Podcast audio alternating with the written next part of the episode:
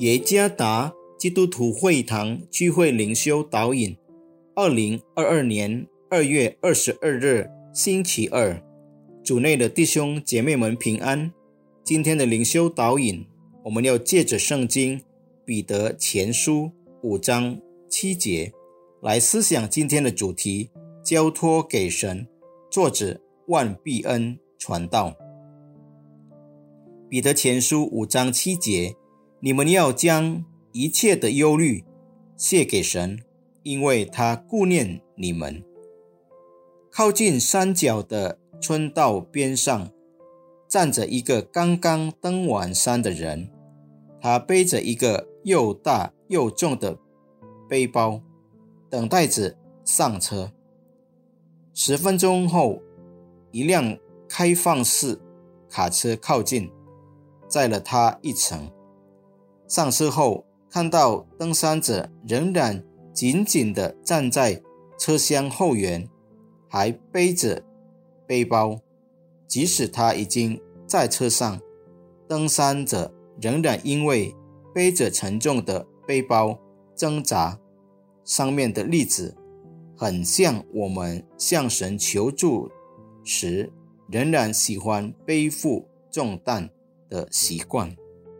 今天的经文要教导，作为信徒，我们必须有勇气将我们所有的忧虑交给上帝。为什么？因为他看顾他的子民。上面这段经文并没有责怪忧心忡忡的人类，忧虑是我们作为人类的一个标志。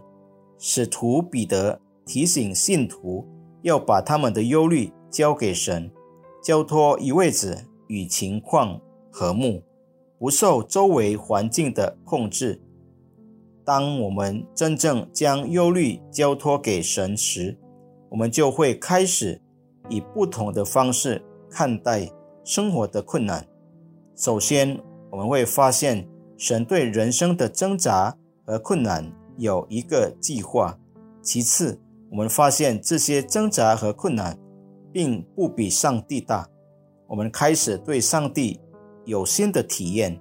圣经关于一位至高无上的上帝的话，是通过我们的经历、挣扎和艰辛得到体现的。透过这两件事，我们变得更有能力赢得奋斗和困难的日子。我们在祷告中经常说什么？也许是这样的，主啊，请在我们生活的挣扎和困难中参与。但是我们祷告之后会发生什么呢？我们常常没有让上帝在我们的生活中工作，对吗？这就像那位登山者决定搭一辆车，但登上车后，他仍然背负着沉重的背包。我们不。也是如此吗？就好像我们比上帝知道的更多、更伟大、更有经验，这种生活不会教我们任何关于上帝的事。让我们学习把我们所有的忧虑都交给神，学习将我们所有的忧虑交给上帝，就像学习在现实生活中体验上帝话语真理的力量一样。愿上帝赐福弟兄姐妹们。